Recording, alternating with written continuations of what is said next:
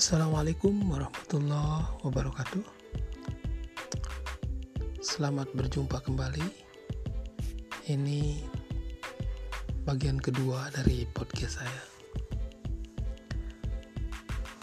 Kali ini saya ingin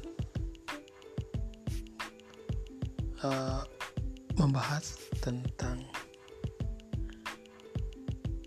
ada ada perbedaan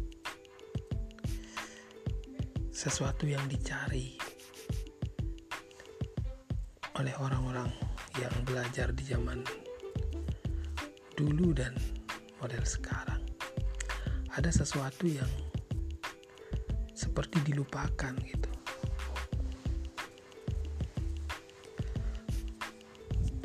Dilupakan yang saya maksud itu ada satu substansi kalau menurut orang-orang dulu ketika mereka belajar mereka lebih mementingkan keberkahan. Harus didapat keberkahan itu.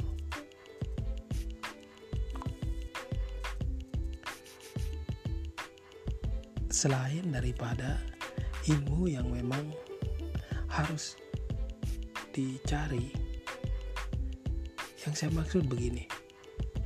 Kalau orang sekarang kan cenderung ingin mencari ilmu supaya pintar, supaya cerdas, supaya uh, apa menguasai banyak hal, menguasai betul-betul terhadap ilmu itu.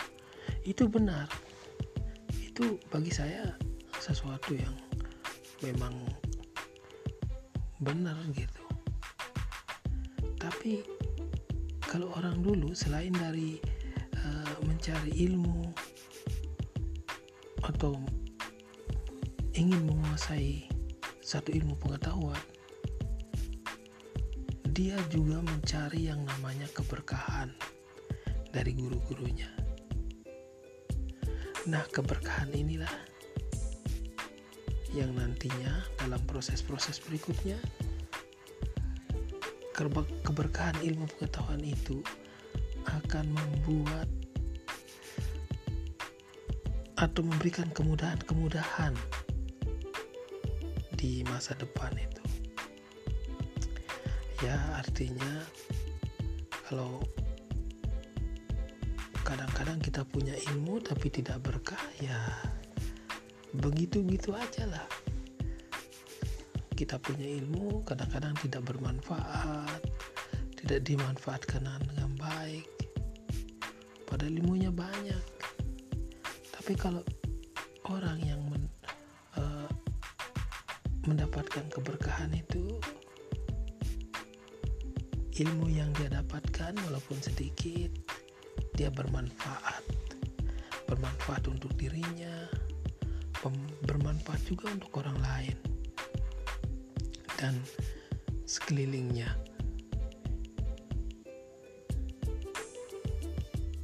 Selain itu ilmu yang didapat juga akan memberikan kemudahan-kemudahan bagi dirinya dan bagi orang lain. Nah, bagaimana cara mendapatkan keberkahan itu? Salah satunya adalah menghormati guru, menghormati orang yang mengajarkan ilmu itu. Coba bandingkan sekarang guru-guru kurang dihormati oleh murid-murid bahkan oleh orang tua siswa.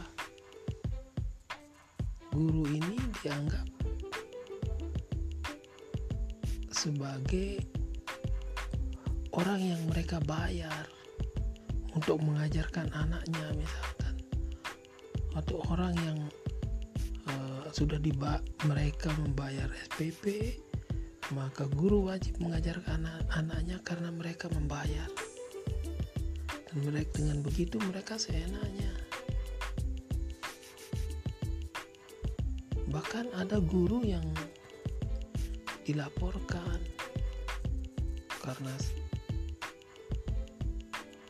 menurut mereka melakukan kesalahan, melakukan kekerasan. Ya, oke okay lah kekerasan itu tidak baik Tapi tidak adalah guru yang melakukan tindakan kekerasan atau lebih tegas artinya ya, bukan keras tapi lebih tegas untuk mendidik siswa agar mereka uh, seperti yang diinginkan oleh guru. Loh kalau kita lihat anak-anak sekarang ini kan sangat susah ngajarinnya. Nah, caranya adalah dengan melakukan penekanan tegas dalam beberapa hal. Konon kalau guru-guru dulu malah jauh lebih uh, keras caranya mendidik. Sekarang sedikit-sedikit dilaporin polisi, dilaporin Nah, balik lagi ke yang namanya keberkahan. Dengan cara begitu bagi saya susah mendapatkan keberkahan itu. Susah lah. Karena kalau dulu ini guru ini sebagai sumber ilmu pengetahuan lah dianggap itu. Sekarang guru sudah dianggap apa ya lebih pintar Google lah. Tapi sebetulnya keberkahan itu ada. Kalau orang menghormati gurunya ya dapat keberkahan itu bagi saya. Menghormati dalam arti ya tidak ini apa namanya ya hormatlah. Seperti kita menghormati orang yang lebih tua